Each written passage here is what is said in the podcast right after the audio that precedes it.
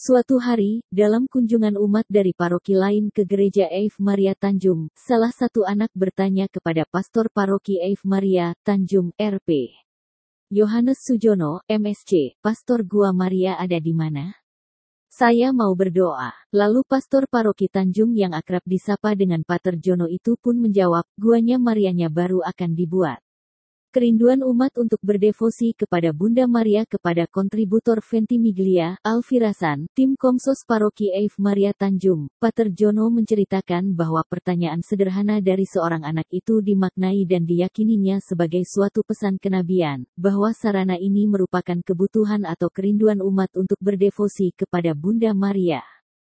Sebenarnya waktu saya datang pertama kali di paroki ini pada Juli tahun 2019 saya juga bertanya-tanya, kok tidak ada fasilitas seperti Gua Maria atau Taman Doa, padahal gereja Katolik biasanya ada, dan nama yang dipakai paroki adalah Eve Maria, tapi pertanyaan ini hanya ada dalam hati saya, ungkap Pater Jono.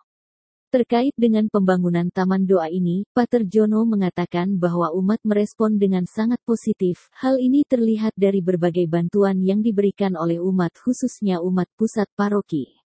Dalam wawancara tersebut Pater Jono juga mengatakan bahwa sumber dana untuk pembangunan Taman Doa ini sebagian besar berasal dari umat pusat paroki.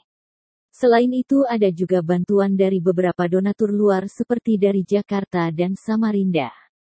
Pater Jono juga menyebutkan bahwa antusiasme umat setelah taman doa ini diresmikan patutlah disyukuri. Kadang saat malam hari saya melihat ada yang datang dua atau tiga orang untuk berdoa, ada yang sendiri, dan juga ada yang membawa pasangan. Kaum muda juga sering datang untuk berdoa. Selain itu Pater Jono juga mengatakan bahwa ada umat gereja lain yang berkunjung ke taman doa ini. Ya Bunda Maria bukan milik umat Katolik saja, melainkan milik seluruh umat Kristiani, katanya. Mengapa dinamakan Amata? Nama Amata untuk taman doa ini diambil dari akronim kata Eve Maria Tanjung. Selain itu Amata juga memiliki makna latin yaitu kasih.